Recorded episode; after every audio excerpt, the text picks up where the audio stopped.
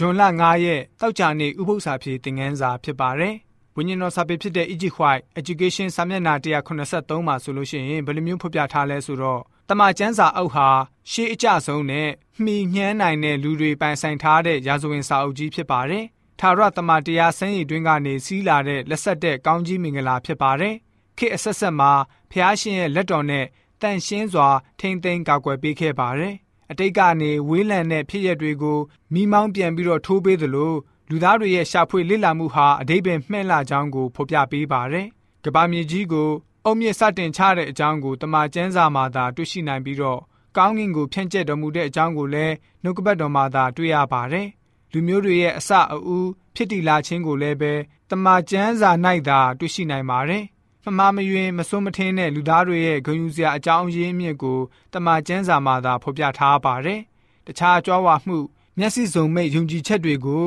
အော်တပကင်းစေတဲ့အကြောင်းတွေကိုလည်းပဲဖော်ပြထားပါတယ်ဆိုပြီးတော့ဝိညာဉ်တော်စာပေကဖော်ပြလိုထားပါတယ်ဆက်လက်ပြီးတော့ဝိညာဉ်တော်စာပေဖြစ်တဲ့ Egypt White Testimony for the Church စာမျက်နှာ325မှာဆိုလို့ရှိရင်ဘယ်လိုမျိုးဖော်ပြထားလဲဆိုတော့နှုတ်ကပတ်တော်ကိုဖျားရှင်ရဲ့တန်ရှင်းတဲ့နှုတ်တော်ထွက်စကားလို့ခံယူသိရှိတဲ့သူ တမန်ကျမ်းစာကိုလောကဓာတ်သိပ္ပံနဲ့ချိန်ထိုးဆန်းသက်ခြင်းကိုမပြုတဲ့သူ